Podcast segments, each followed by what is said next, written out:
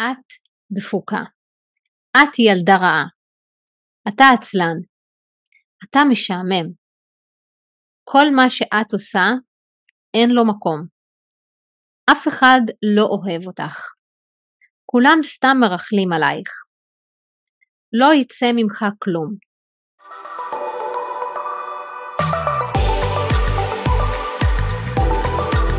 שלכן ושלכם דוקטור מרווה אזם, חוקרת מוח ותודעה ומלווה תהליכי פיתוח מנהיגות אישית ועסקית באמצעות מודל שנקרא one recode שמבוסס על הפרוטוקול הטיפולי שפיתחתי למניעת ירידה קוגניטיבית והיפוכה. אה, בו אני ממש משלבת בין עולם המדע לתודעה ורוחניות מעשית וזה מה שמעסיק אותי בשנים האחרונות, אני חוקרת וחיה על פי האינטגרציה הזו, לאורך כל המסע שלנו גם אה, כאן אה, בפודקאסט אני הולכת לחלוק איתכן ואיתכם ידע ופרקטיקות על החיבור בין עולם המדע לעולם התודעה והרוח ואתם תראו איך הכל מסתנכרן בהרמוניה שמאפשרת לנו ליצור את החיים שאנחנו רוצות ליצור לעצמנו. בצורה אה, מנהיגותית שמבוססת ממש הוויה וערכים בכדי להשפיע ולהשאיר את החותם שלנו בעולם. אז אם מצאתן או מצאתם ערך בפרק הזה, הכי אשמח בעולם שתחלקו אותו ותפיצו את הטוב הזה הלאה לעולם.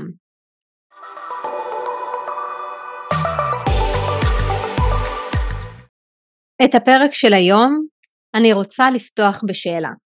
כמה פעמים את או אתה תופסים את עצמכם ביום שאתם אומרים לעצמכם את המשפטים הללו. את פחדנית, את לעולם לא תצליחי. את דפוקה. את ילדה רעה. אתה עצלן. אתה משעמם. כל מה שאת עושה, אין לו מקום. אף אחד לא אוהב אותך. כולם סתם מרכלים עלייך. לא יצא ממך כלום. ספרתם כמה פעמים אתם תופסים את עצמכם? או שכבר הפסקתם לספור? ושאלה נוספת, האם הייתם מוכנים להיות חברים או חברות של אדם כזה שכל היום מטיח בכם את ההאשמות האלה? אני מאמינה שלא. אז היום הפרק שלנו הולך לעסוק בביקורת עצמית ואיך היא משפיעה על המציאות שלנו. ואת האמת שהסיבה שאני יוצרת את הפרק הזו היא אה, מאוד מעניינת. אני בן אדם שבדרך כלל לא ממש מקבל ביקורת ובטח ובטח לא ברשתות החברתיות, שזה מעניין, אבל אני מבינה שככל שאני גדלה, אה, גם עסקית, גם תודעתית, סביר להניח שיש את האתגרים האלה. אבל הפעם אני הייתי גם צריכה ללמוד שיעור מול עצמי ואל מול הביקורת העצמית שלי ואל מול הקולות הפנימיים שלי. ומה שקרה שלפני פסח, כמה ימים לפני, עצרתי והשיח הפנימי שלי שהיה בתוכי ושיתפתי אישה יקרה ללבי בשיח הזה של איפה אני נמצאת בכל מה שקורה כרגע במדינה. איפה המקום שלי? האם המקום שלי להמשיך להיות מי שאני, להפיץ את ההשפעה שלי או את הטוב ואת השליחות שלי לאנשים שנמצאים כאן עם מי אני צריכה בכלל להזדהות? האם אני צריכה להזדהות עם הצד הזה או עם הצד הזה? או בכלל אני לא צריכה להזדהות כמו שאני עושה כל הזמן. שאני יכולה לקבל ולחבק ולראות את כל הצדדים ובסופו של דבר אה, להבין שהקונפליקטים האלה הם משקפים איזה שהם קונפליקטים פנימיים וליישב את הקונפליקט ולעבוד איתו ולהפוך אותו לצמיחה שלי. רק שהפעם מאוד מאוד ביקשתי שאני אמצא את הדרך לדבר על זה, לפתוח את זה, לשים את זה על השולחן ולהביא את מי שאני החוצה. ואיך לא? השיחה הפנימית הזו ששיתפתי בה אה, את אותה אישה יקרה, רגע אחרי קיבלה מימוש במציאות. וזה קרה אחרי שהעליתי אה, סטורי, בעצם ריל, ברשת החברתית שמדבר על ניקיון פנימי אל מול ניקיון חיצוני. אני אשים את הקישור פה מתחת לפרק ואתם יכולים לצפות בו. אני אשים גם קישור לפוסט שכתבתי אחר כך שתכף אתם תבינו אה, בדיוק מה המשמעות שלו. ותוך כדי שהעליתי את הסרטון הראשון הרבה אנשים כתבו לי שזה בדיוק הנקודה שהם חושבים עליה, שהן הולכות אה, לעשות ניקיון פנימי ולעשות שחרור לפני פסח. וזה ממש שימח אותי. אממה, זה לא, זה לא מצא חן באישה, בעיני אישה שמעולם לא הכרתי אותה. אישה שעוקבת אחריי בפייסבוק, מעולם לא פגשתי אותה, מעולם לא היה לנו שיח, היא לא מכירה אותי, אני לא מכירה אותה. והיא החליטה אחרי שיחה מסוימת שבה הסברתי שלא התכוונתי לפגוע באף אחד ושבסופו של דבר ברור שזה הפנים משדר החוצה והחוצה משדר פנימה והם מסתנכנים ביחד והסברתי לה שאני תלמידה טובה, אני לומדת גם אה, יהדות וגם קבלה ואני חוקרת את האסלאם ואני חוקרת את הנוצרות וזה עולמות שאני הולכת וחוקרת גם בהיסטוריה ואני הולכת וחוקרת ברמה התודעתית וזה לא היה ממקום של לרצות אותה אלא היה ממקום של להבהיר לה מי אני ומה אני. אבל רגע אחרי אותה אישה כתבה לי אם את לא יהודייה אז אל תתני עצות ליהודים. וכאן זה היכה בי.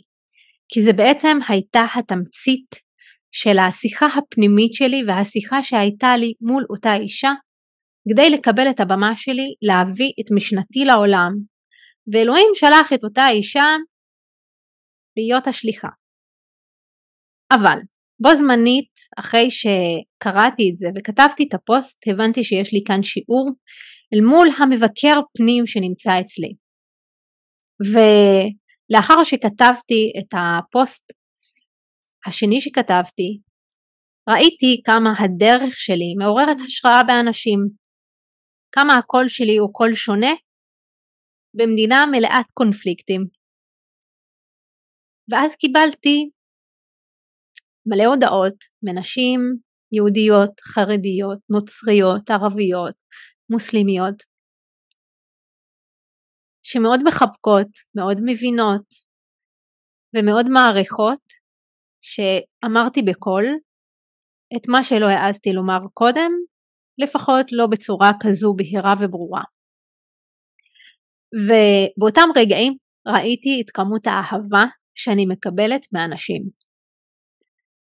אבל שאלתי את עצמי רגע אחרי למה הייתי צריכה את התגובה הזו כדי שאני אבוא ואני אספר על איך אני חיה את החיים שלי.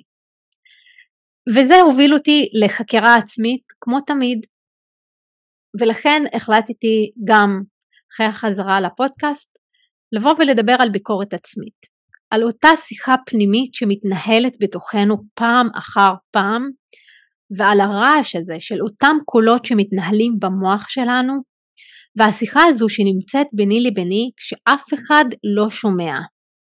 והיא חלק בלתי נפרד שמשפיע על יצירת המציאות של החיים שלנו. כי בסופו של יום גם המחשבות שלנו, גם הרגשות שלנו, גם החוויה הפנימית שלנו, מייצרת איזשהו תדר שאנחנו מהדהדות בעולם. ואני יכולה לומר בתור חוקרת מוח שיש היום מכשירי EEG שמשתמשים בהם כדי שאנחנו נוכל למדוד את התדר של כל מה שאנחנו מייצרים בתוך קופסת התעודה הזו שנקראת המוח, הגוף שלנו והרגשות שלנו והרבה יותר מעבר.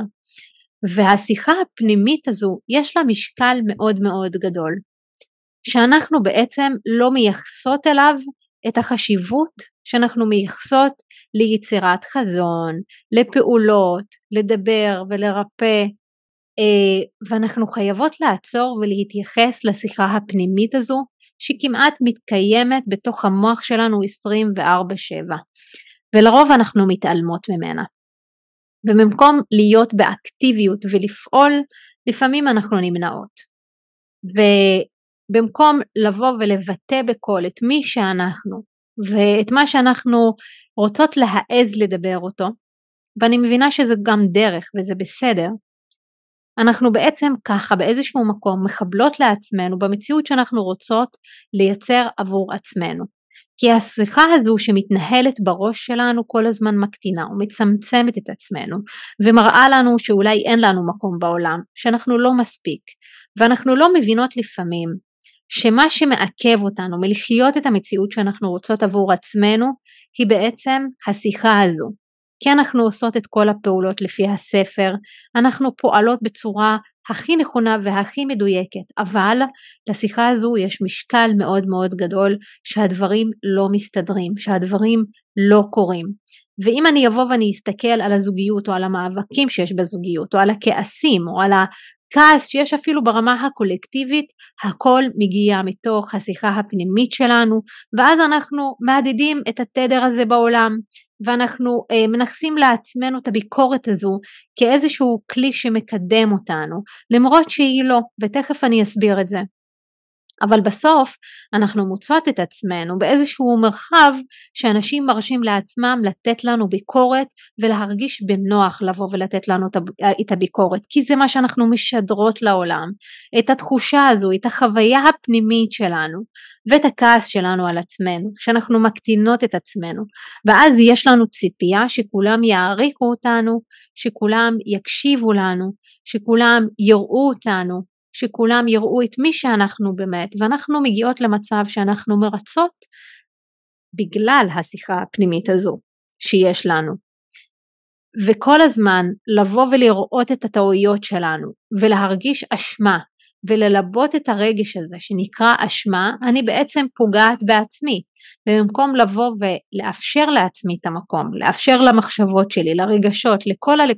את הקולות האלה מקום, אני בעצם מתנגדת אליהם, אני משחררת אותם בדרך, שהיא לא דרך, אבל הם בסופו של יום גולשים החוצה, בתדר, בדרך שאני פועלת, בשפת הגוף שלי, ואני לא מבינה איך אנשים לא מתייחסים אליי כמו שאני רוצה שיתייחסו אליי, ואז אני קולטת שאני לא מתייחסת לעצמי בדיוק כפי שאני רוצה שאנשים יתייחסו אליי, וזה חוסר הלימה בין מה שקורה בתוכי לבין מה שאני מצפה מהעולם.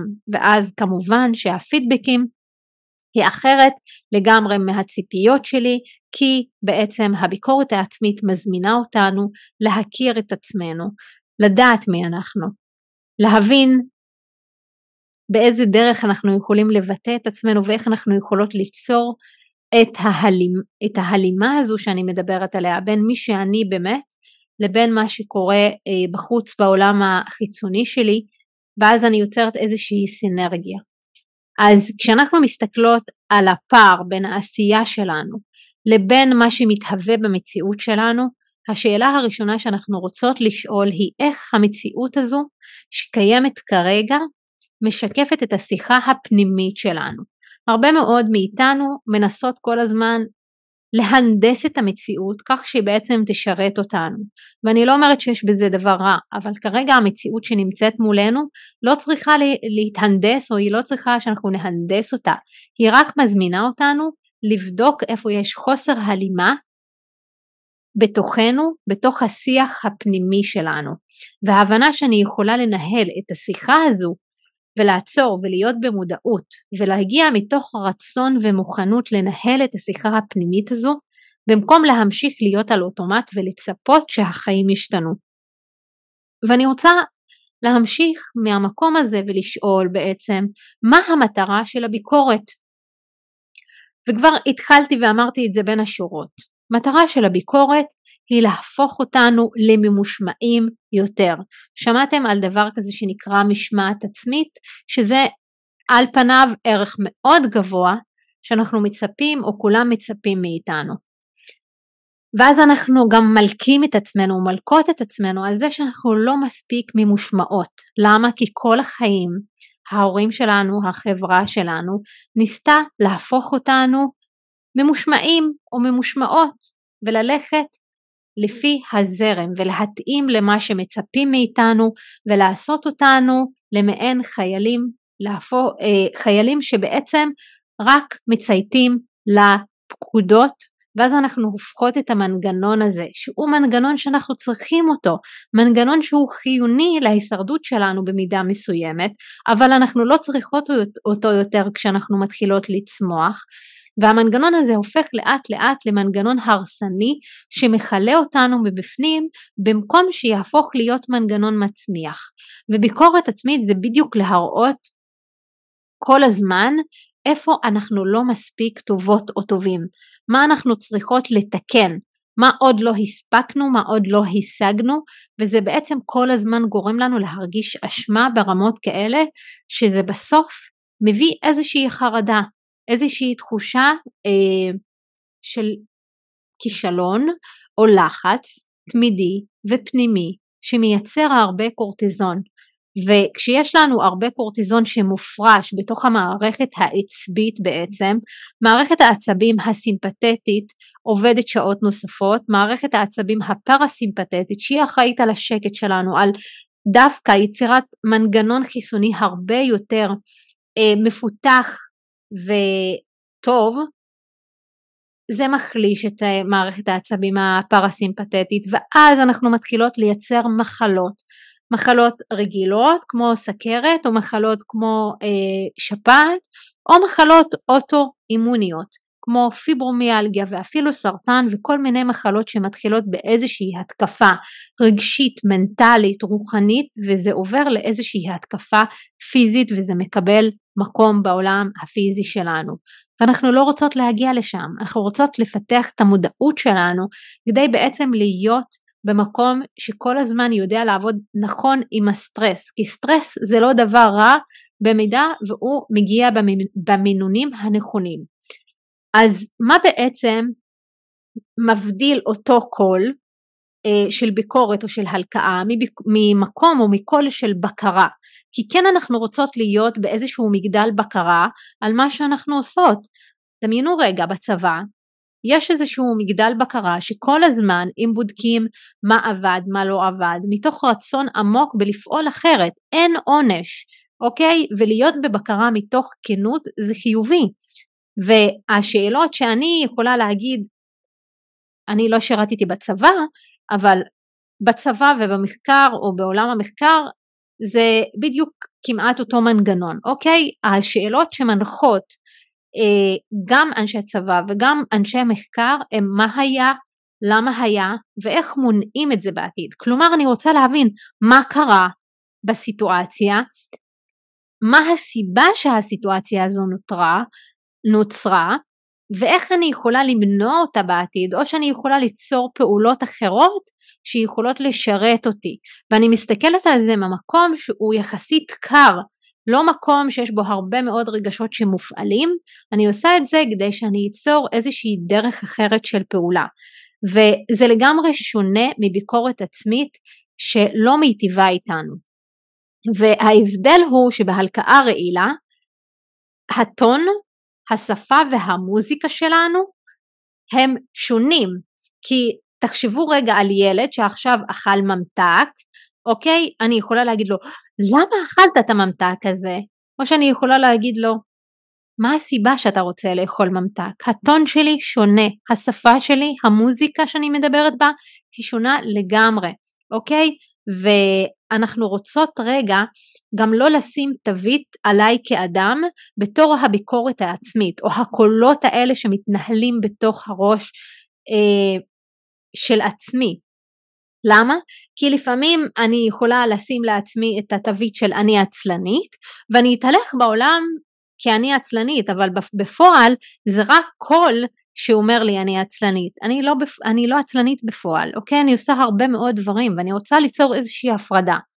ולמה אנחנו בעצם כל כך נאחזים במנגנון הזה שנמצא, נקרא ביקורת עצמית? כי בעצם ביקורת עצמית או הלקאה עצמית מתיימרת לעומק. בעצם המנגנון הזה גורם לנו כל הזמן להתעמק עוד ועוד ועוד במחשבות והיא יוצרת איזושהי ודאות, איזושהי ודאות פנימית וביטחון שממנו אני יכולה בעצם לשלוט, אוקיי? וכשאנחנו מלקות או מלקים את עצמנו במידה כזו או אחרת זה עוזר לנו להבין גם מה הסטנדרט של עצמנו ובעצם אני מצפה מעצמי כל מיני אה, סטנדרטים מסוימים ואני רוצה לדעת מה הפקתי בפועל. כלומר, אם הסטנדרט שלי הוא 100 והגעתי ל-80, אז אני יודעת איפה הפער שאני על פניו צריכה לשפר. וכאן אנחנו רוצות לשאול את עצמנו מה אנחנו באמת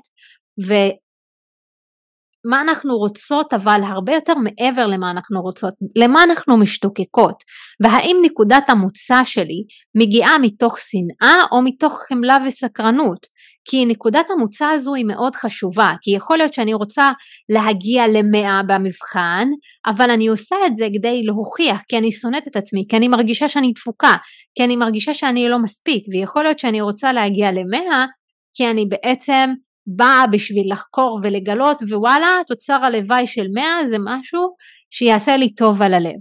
זה שתי גישות שונות וכשאני מגיעה מתוך רצון אמיתית, אמיתי והשתוקקות אמיתית להתפתח ולא להשתפר כי המהות של שיפור מראה על זה שאני בעצם לא מספיק. ואני רוצה דווקא לראות שבמבחן אני פיתחתי איזושהי מיומנות או בדרך פיתחתי איזושהי מיומנות ולאו דווקא שיפרתי את עצמי כי הרי אני לא מקולקלת בשביל לשפר את עצמי. להתפתח זה עולם שבו אנחנו מפתחות מיומנויות, אנחנו לומדות, אנחנו משחקות ואנחנו מסתקרנות וזה טבעי, זה טבעי לנו להסתקרן אה, זה טבעי לנו לשחק, זה טבעי לנו להיות בתוך המגרש הזה וללמוד ולהתפתח. מה שלא טבעי לנו זה הביקורת העצמית שעוצרת את ההתפתחות שלנו, כי זה מייצר כל כך הרבה קורטיזון ולחץ על המערכת שלנו, שמייצר מאוד קיבעון ובעצם זה לא נראה לנו אה, מי שאנחנו כרגע, אנחנו מנסים להתיימר להיות מישהו או מישהי אחרת בעולם הזה, ותכף אני ארחיב על זה, אבל שימו לב כמה הקיבעון הזה והוודאות הזו מתוך השליטה מאפשרת לנו איזשהו, איזשהו שקט, אבל השקט הזה הוא מעין אשליה, אשליה שבעצם אומרת ברגע שאני אהיה ביקורתית כלפי עצמי אז בעצם העולם יעזוב אותי בשקט וככה אני יכולה לפעול במגרש שלי איך שבא לי. רק מה העניין? התודעה שלנו והגוף שלנו הרבה יותר חכמים מאיתנו, הם משדרים את זה החוצה ואז אנחנו מוקפים באנשים שהם הרבה יותר ביקורתיים, אנשים שהם שליליים, אנשים שכל הזמן מרשים לעצמם לעבור את הגבולות שלנו ואז נשאלת השאלה איפה הגבול? איפה הגבול בין הביקורת העצמית הלא מיטיבה לבין הבקרה? אז כשאנחנו במודעות אנחנו נשים לב ש... לא רק הטון מכתיב את הדרך שבה אנחנו מבקרות את עצמנו, אלא גם התדירות של המחשבות שלנו בראש. כמה זמן אני מתעסקת בדבר הזה, ולא רק מהי העוצמה, אלא כמה שעות ביום אני מרביצה לעצמי מנטלית, אני מרביצה לעצמי רגשית. למה שאלתי אתכם את השאלה הזו בתחילת הפרק? כדי שרגע תעצרו ותפתחו איזה רגע של מודעות, אוקיי? אז למה אנחנו גם אה, חושבות שאנחנו צריכות לבקר את עצמנו כל הזמן ואנחנו מזדהות עם הדפוס הזה כי זה מנגנון שעל פניו עוזר לנו להתפתח אבל כבר הבנו שהוא עוזר לנו להשתפר לא להתפתח. ככה אנחנו תופסים את זה ואנחנו נאחזים במחשבה שאם לא יהיו לנו סטנדרטים גבוהים אז אנחנו לא נצליח אם ייקחו ממני את הביקורת העצמית אז אני לא אוכל להצליח או להפיק את המקסימום מהחיים שלי. וזה לגמרי אה, מזין את הפרפקציוניזם, את ההשוואתיות ולא משנה כמה נשיג, אנחנו נרגיש שלא הגענו לאן שאנחנו רוצים או רוצות להגיע. כי בעצם ההישגים שלנו הם תוצר לוואי של מנגנון של ביקורת עצמית שהזדהינו איתו, אוקיי? וזאת נקודת המוצא שבעצם כל הזמן מכניסה אותנו ללא אינסופי וללחץ אינסופי, אוקיי? ופה אני רוצה גם לדבר על נקודה שמאוד חשוב לי לציין לגבי המוח שלנו ולגבי המחשבות ולגבי גם הקולות האלה. בעצם מה שקורה זה שהמוח שלנו הוא מעין אנטנה, אנטנה שפשוט כל הזמן קולטת את כל המחשבות או את כל מה שעובר אלינו מתוך התודעה הקולקטיבית או מתוך התודעה האישית שלנו, אוקיי? עכשיו כשאנחנו קולטים את כל המחשבות האלה ויש לנו עשרות אלפי מחשבות, אנחנו לוקחים מחשבה אחת ומזדהים איתה או כמה מחשבות ואנחנו מזדהות איתם, ואז אנחנו בעצם ההזדהות הזו יוצרת לנו מעין שקט וביטחון, אבל מצד שני אנחנו הופכות להיות המחשבה, ואנחנו לא עושות איזושהי הפרדה בין הקול שלי לבין המחשבה שלי. ואני בעצם מתחילה לפעול ולהרגיש וכל החוויה שלי הופכת להיות חוויה שנוצרה מתוך הקליטה שלי לאותן מחשבות וליצירת הדפוס הזה שמנהל את החיים שלי ויש הרבה ממצאים מחקריים שמוכיחים שדווקא ככל שיש לנו ביקורת עצמית יותר גבוהה אנחנו מסתבכים יותר ויותר בצרות ובעצם האנשים האלה לא יסכימו לקבל תמיכה חברתית כי בעצם זה משפיל אותם, זה מנציח את המחשבה שהם פגומים, שהם דפוקים ושיש משהו לא בסדר בהם. יש עוד מחקר נוסף שנערך בארצות הברית לפני 16 שנים, אה, גם של חוקרים אמריקאים, גם של אה, חוקרים ישראלים, שחקרו אנשים ביקורתיים כלפי עצמם וגילו שהם עושים הרבה מאוד פעולות כי צריך. ולא כי הם באמת רוצים, ובעיקר הם מסתובבים בעולם עם דיכאון והיעדר שמחת חיים, ובאיזשהו שלב הם גם מתפרקים.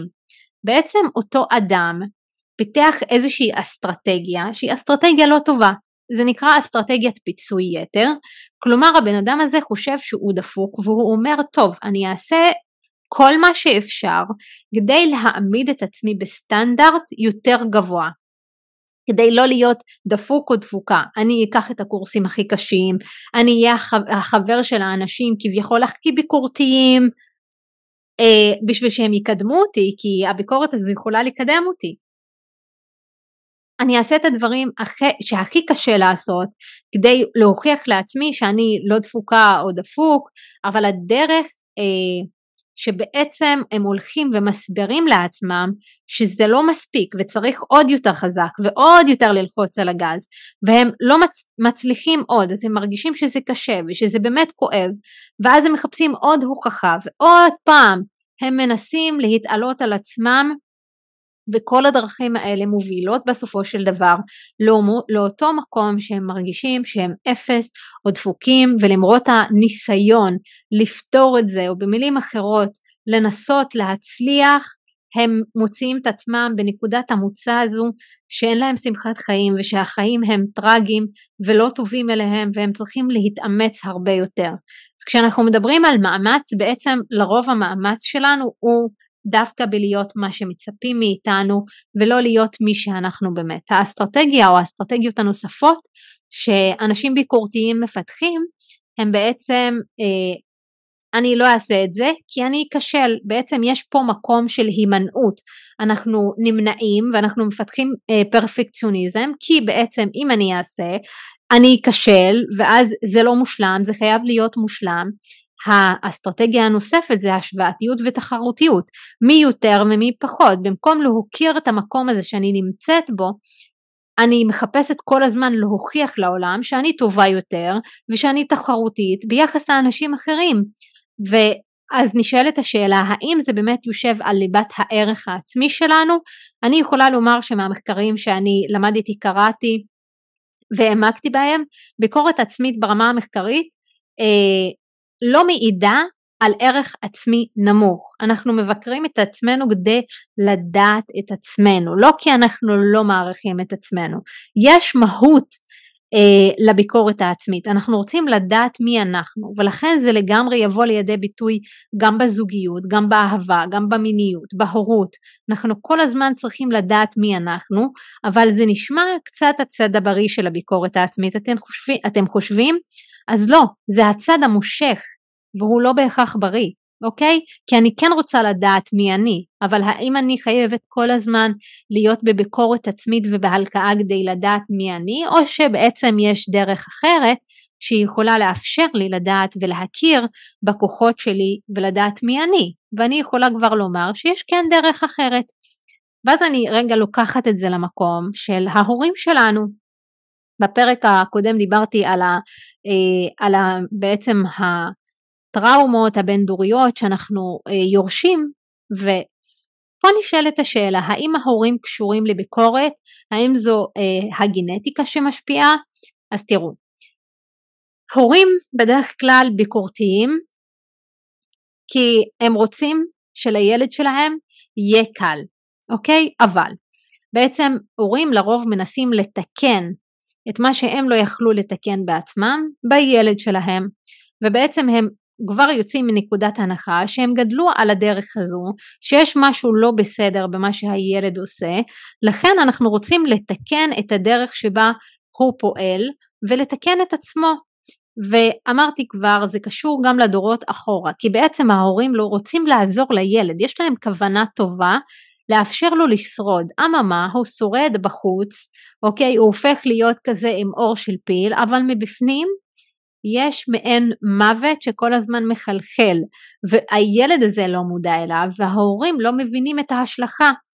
ובעצם מתוך הרצון והצורך לשרוד אנחנו חושבים שככל שאנחנו נתאים את עצמנו לחברה היא תשמור ותגן עלינו ומה שאני הבנתי בתהליך התעוררות שלי לאורך השנים שמסרים גם של ההתפתחות אישית לפעמים הופכים להיות כלים שגורמים לי לבקר את עצמי.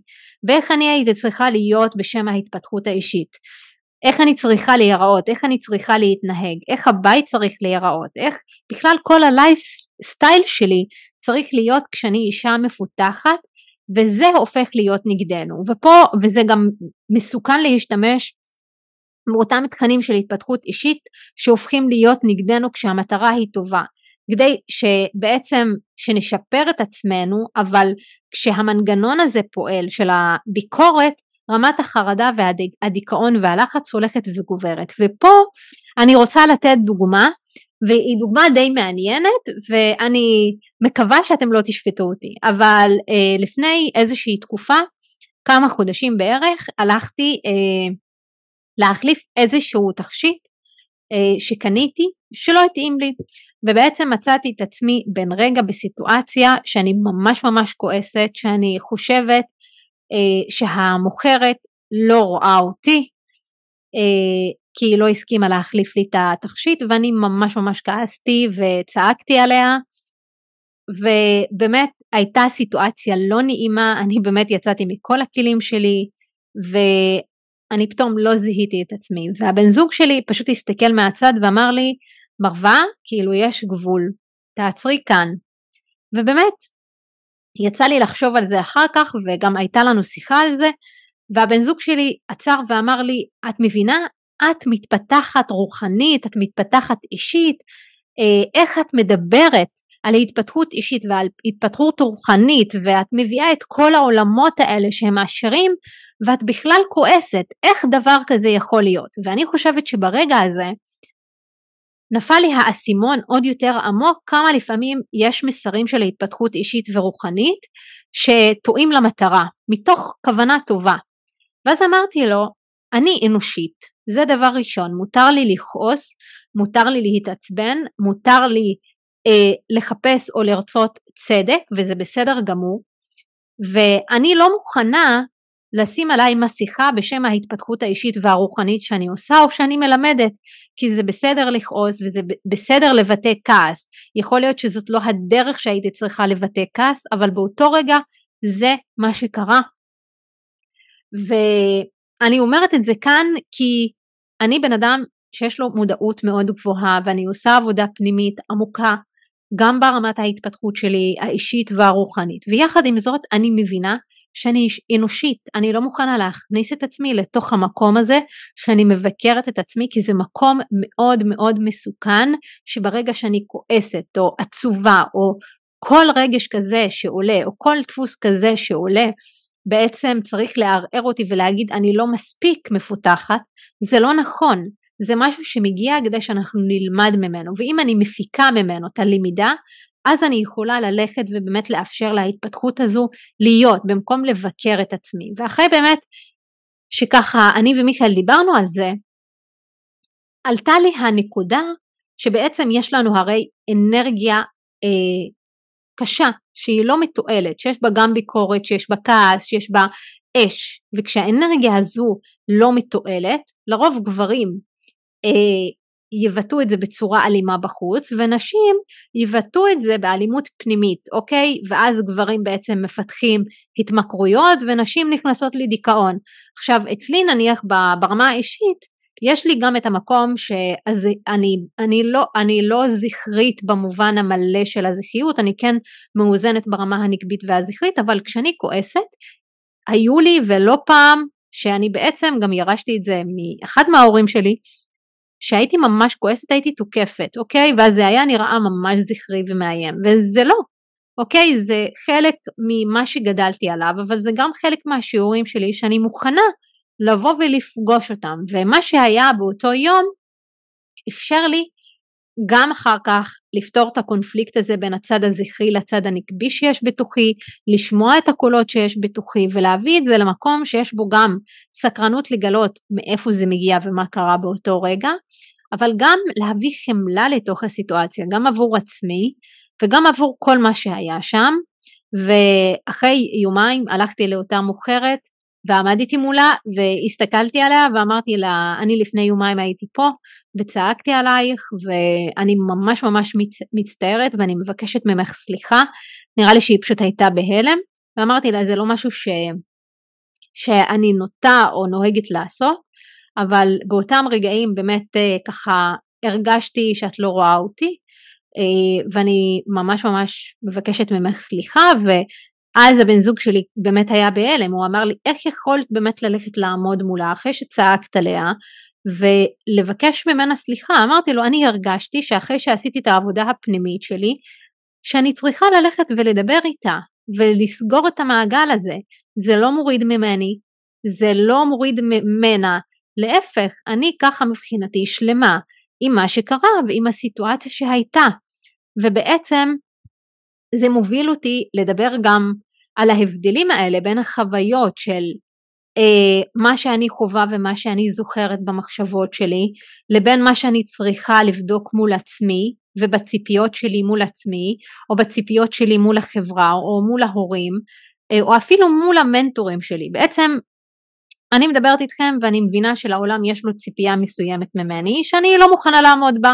אני מוכנה לבוא ולבקר ולראות מה עבד ומה לא עבד או איפה נהגתי בצורה מסוימת ולטובת ההתפתחות שלי והצמיחה שלי אני יכולה לפעול אחרת ומה הסיבות ולשחרר את זה מתוך המקור והשורש של מה שהפעיל אותי ואז לרפא את המקום הזה וללכת ולעשות פעולות אחרות אוקיי? כדי לסגור מעגל ומשם להתקדם, זה לא מגיע מתוך תודעה של אני רוצה לשפר את עצמי, כי אם הייתי מגיעה מתוך המקום הזה, לעולם לא הייתי לא הולכת לאותה בחורה ומבקשת סליחה, אלא הייתי כל הזמן רק הולכת ומלכה את עצמי בפנים, אה, או מנסה כל הזמן להוכיח לעצמי שאני מספיק מפותחת ושאני צריכה להוכיח, להוכיח את זה לעולם. ועצם זה גם שאני פותחת את זה כאן בכנות, אני חושבת פשוט שזה מאפשר לי להיות מי שאני בלי מסכות ולהראות שיש גם לאנשים שמלמדים את הצד האנושי וזה טבעי וזה לגמרי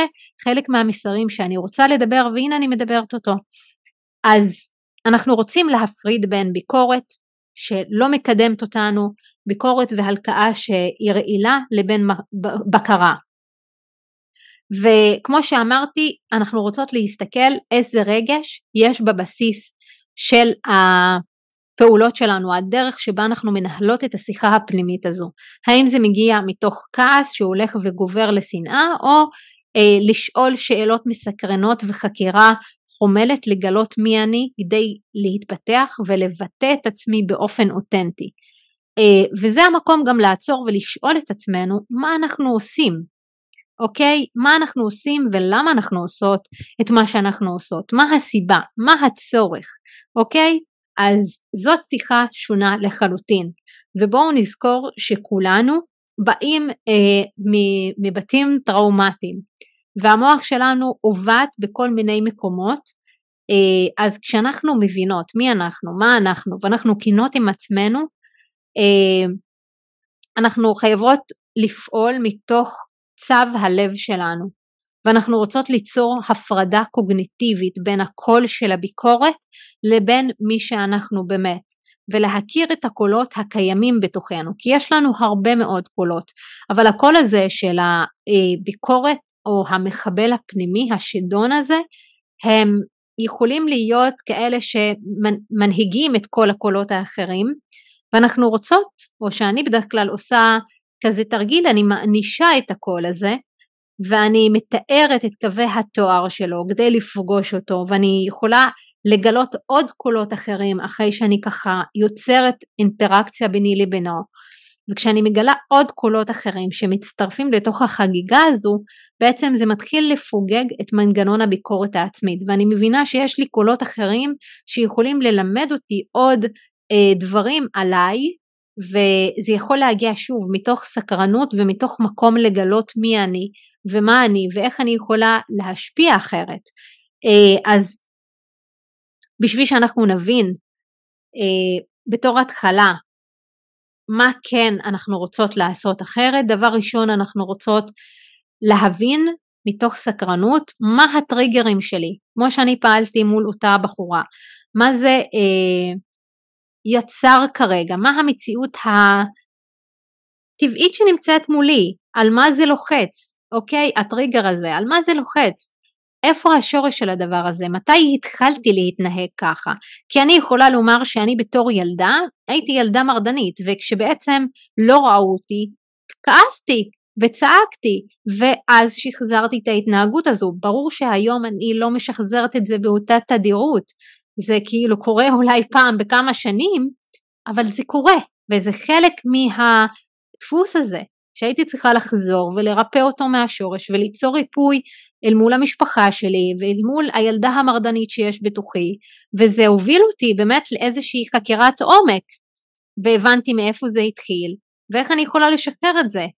אה, כי בעצם זה גם מלמד אותי מה למדתי מאחד, מאחד ההורים שלי ולמה בעצם פעלתי ככה מולם אז אני הולכת ופוגשת את זה באומץ כי כשאני מבינה מאיפה זה מגיע, אני מבינה מאיפה השורש, מה המקור של הבעיה, אוקיי? אה, מה המקור של ההתנהגות שלי. וכשאני מבינה מה השורש והמקור של ההתנהגות שלי או של הרגש, של הדפוס והמחשבה וכל הקולות האלה, אני יכולה לפגוש אותם ואני יכולה לרפא אותם. והצעד השני זה לפתח ביטוי אותנטי.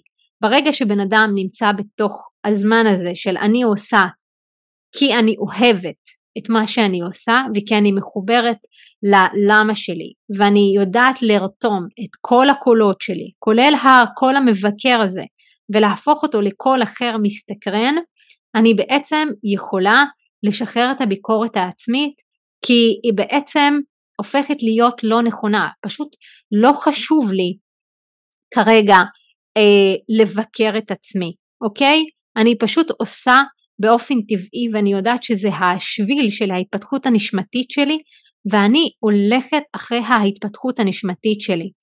וכמו שאמרתי קודם, הבסיס הטראומטי שלנו, אה, אנחנו רוצות לחזור אליו ולעבוד איתו, אנחנו רוצות אה, ללכת ולעבוד עם הדפוסים האלה ברמה העמוקה יותר.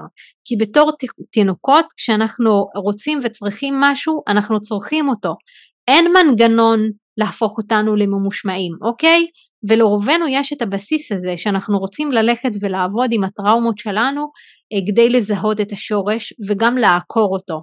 ובמקום להיות ממושמעים, אנחנו רוצים ללמוד את עצמנו. וכבר אמרתי, המהות של הביקורת זה אומר להפסיק אה, להשתמש בביקורת כדי להיות מישהו אחר, כדי לדרבן את עצמנו, אלא אנחנו, לא, אנחנו רוצות להיות מי שאנחנו, אנחנו רוצות להיות מי שאנחנו ולהאמין שאנשים יכולים לאהוב אותנו ולקבל אותנו כפי שאנחנו ולא לנסות להתאים את עצמנו לציפיות של אנשים אחרים. והריפוי הוא בעצם להכיר את עצמי ולמצוא את השביל האותנטי הזה של להיות מי שאני בעולם, כי אני לא אמורה להיות מישהי אחרת. הנשמה שלי, טביעת האצבע שלי, ה-DNA שלי, כל המכלול של מי שאני בעולם הזה לא דומה למכלול של מישהו אחר. אז אין לי צורך לרדוף להיות מישהו אחר או להשיג דברים כמו מישהו אחר והביקורת הזו מאפשרת לנו להתחיל לקלף מעצמנו את כל, ה... את כל הקליפות כדי להתפתח, להכיר ולקבל את התכונות שלנו, אה, להבין למה פיתחנו אותם, מה טוב במה שאני עושה, וזה מה שנקרא אחריות. ואחריות זאת פעולה אקטיבית שמאפשרת לנו להיות פעילות. כי ביקורת לרוב משאירה אותנו בפסיביות או בהימנעות, כי בעצם היא גם סימפטום של הרצון שלנו שהכל יהיה מושלם ולא פחות ממושלם, וזה הלך רוח של כביכול להיות חופשיים מפגמים, ואין דבר כזה. אנחנו לא פס ייצור ואין לנו, לכולנו יש סטנדרט אחד כמו שלימדו אותנו להיות בבית הספר, שיש סטנדרט אחד שזה הציון של המאה וכולנו חייבים לעמוד בו. ובעצם אם אנחנו נלך עם הגישה הזו שאנחנו כמו איזה מוצר על מדף ואני חייבת להיות מושלמת, אז אנחנו מפתחים לא רק פחד מהצלחה או מכישלון, אלא פחד ממוות, כי אז אנחנו חושבים שאם אנחנו לא נהיה מושלמים, אנחנו לא נוכל לשרוד. ודווקא אותנטיות יכולה לאפשר לנו לא רק לשרוד, אלא לצמוח. ורוב האנשים צריכים את זווית הראייה שלנו, את מי שאנחנו, כי אנחנו לא דומים לאף אחד. ובמקום כל הזמן לדקלם את אותם משפטים אה, שבהם אנחנו לומדים אה, אותם אנחנו לומדים מכל העולם הזה של ההתפתחות האישית והרוחנית, אנחנו יכולים לחזור ולגלות מי אנחנו מבפנים ולהוציא את העולם שלנו החוצה. ואני תמיד רואה את זה בקורסים שאני מלמדת, וזה כל פעם מפליא אותי מחדש, שיש נשים שמגיעות אליי שמדקלמות משפטים, מילים, דברים שהן למדו, ואז אה, אנחנו מפרקות, אנחנו מפרקות את הקליפות ואנחנו מש, מתחילות לשחרר את הפחד הזה לחיות, להיות מי שאנחנו וזה משפיע, זה משפיע על המשפחה, על הזוגיות, על העסק, על כל רובד כזה או אחר ואני אספר פה סיפור של אה, אחת מהנשים שאני מלווה וגם היא אה, סטודנטית שלי והיא אמרה לי פעם ראשונה הבן שלי ראה את אבא שלו בוכה והייתה לנו שיחה על רגשות ועל איך מבטאים רגשות וזה היה נהדר לראות איך כשאני התחלתי לבטא באמת את הרגשות שלי ואת מי שאני בעלי הצליח לבטא את זה והוא הצליח להיות אותנטי וכשהילד ראה אותו יצא לנו גם לפתח על זה שיחה. עכשיו זה אחד הדברים המופלאים שיכולים לקרות בתוך משפחה, אנחנו צריכים את זה, הביטוי העצמי האמיתי הזה מגיע מתוך התפתחות מהנה ולא מתוך סטרס מתמיד. אוקיי, אז uh, אם אני רוצה לסכם או לבוא ולהגיד מה אנחנו יכולים או יכולות לעשות בצורה פרקטית, אנחנו רוצות קודם כל להתחיל לזהות, לזהות איפה אנחנו נמצאות כרגע uh, ולהבין שאם אני כל הזמן בריצה אינסופית לדבר הבא, להשתיק את המחשבות, או אה, אני כל הזמן רוצה להשיג עוד, למה אני לא ככה, או איכות החיים שלי נמוכה, ורמת החיים שלי גבוהה, אבל אני לא מרגישה את זה, או שאני מגיעה לאיזשהו משבר פנימי, שכל הזמן המשבר הזה אה, מאלץ אותי לצאת מגדרי ומעצמי, זה אומר שאני כרגע במצב שיש לי ביקורת עצמית מאוד מאוד גבוהה, ואני רוצה לדעת וללמוד לנהל את השיח הפנימי הזה אה, מחדש ולהתחיל ליצור איזשהו ארגון מחדש ולהפסיק להיות בביקורת העצמית שיש בה הלקאה והיא רעילה ולהפוך את זה לבקרה שיכולה לשמש אותי ולקדם אותי באמת.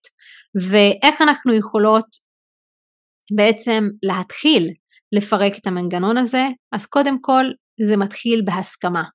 בהסכמה לשחרר את הביקורת העצמית וזה מאתגר כי אה, כמו שציינתי לאורך כל הפרק יש לנו קושי לשחרר את זה כי אנחנו מאמינים שזה יקדם אותנו וייתן לנו ודאות. הדבר השני, הישגים זה לא התפתחות, אוקיי? הישגים זה משהו שאנחנו יכולים להגיע אליו, התפתחות זה לעבוד בכמה רבדים, לעבוד ברובד המנטלי, הרגשי, הרוחני והפיזי וליצור אינטגרציה שהיא יכולה לשלב בין כולם כדי לאפשר לנו לצמוח. ההישגים שלנו יהיו תוצר הלוואי של מי שאנחנו בעולם הזה. אבל הדבר השלישי, אנחנו גם רוצות לזהות את המנגנון הזה ואת הטראומה שמנהלת אותנו. ויש כמה שורש, שורשים לרוב לטראומה הזו, שברגע שאנחנו עוקרים את השורשים האלה ואנחנו מתחילים להצמיח ולהזריע זרעים חדשים, אנחנו יכולים לראות איך אנחנו צומחים וגדלים. ואנחנו רוצות לחקור מתוך סקרנות אה, ומתוך חמלה את המנגנונים שלנו ולא רק לטאטא אותם ולהגיד כן אני יודעת שיש לי את המנגנון הזה ופשוט לשחרר. אנחנו רוצות להפוך להיות החוקרות של עצמנו מתוך חמלה, מתוך משחקיות, מתוך אה, רצון באמת לגדול ולקחת אחריות, לקחת האחריות על, האותנטיות שלנו, על מי שאנחנו בעולם. ולקחת אחריות זה מאפשר לנו להכיר בזה שאנחנו לא רק הזהות של האישיות שלנו, אלא שאנחנו נשמה שיש לה את ה-say שלה, שיש לה מה לומר כאן בעולם, ויש לה את הייחודיות שלה, והיא חלק מאורגניזם אה, שהוא הרבה יותר גדול, שיש לה את המקום שלה, והאחריות הזו מגיעה ממקום שיכול לשחרר את הביקורת העצמית ולאפשר לנו לראות מה אנחנו אוהבות, מה אנחנו רוצות ואיך אנחנו יכולות להביא את זה לתוך שביל ההתפתחות שלנו והמסע שלנו לייצר את המציאות של עצמנו, של החיים שלנו. וכל הזמן להיות בגישה של מה כן עובד לי, מה לא עובד לי, וכל הזמן לראות איך אנחנו מפתחות מיומנויות שהופכות להיות הבסיס והתשתית של מי שאנחנו בעולם, שגם ברגעים של אתגרים או משברים אנחנו נוכל להגיע לעוגן הזה ולבסיס הזה, ולעצור גם ולחגוג את ההצלחות הקטנות שלנו, להודות עליהם, לא לעשות רשימה רק כי צריך לעשות רשימה, אלא לעצור ולהתחבר מכל הלב כל ההוויה של מי שאנחנו ולהודות על מה שיש לנו כרגע, על מי שיש לנו כרגע בעולם, כדי שאנחנו נתחיל להוקיר את הקיום שלנו אה, וכמה עצם זה שאנחנו כאן יכול להשפיע על אנשים. אז אה, אם אני מסכמת את הפרק הזה, אה, אני יכולה לומר שביקורת עצמית היא מנגנון שיש בו צורך. יחד עם זאת אנחנו רוצות ללמוד לעבוד נכון, לפרק את הביקורת העצמית אה, שיש בה הלקאה רעילה, שלא מקדמת אותנו, אלא להפך, מכניסה אותנו ללופ, שהלופ הזה בסופו של דבר גם יוצר מחלות, ואנחנו רוצות ללמוד להיות בבקרה, להבין, ללמוד, לחקור את מי שאנחנו, את מה שאנחנו, כדי שנוכל להתפתח ולצמוח מתוך מקום אותנטי, מתוך מקום מחובר לנשמה שלנו, הייחודית לנו, ולהתחבר גם לעוגן הזה, לעוגן של המקור של הבריאה כולה, ומשם להתחיל להתפתח ולגדול וגם להשפיע כדי להביא את מי שאנחנו באמת לעולם.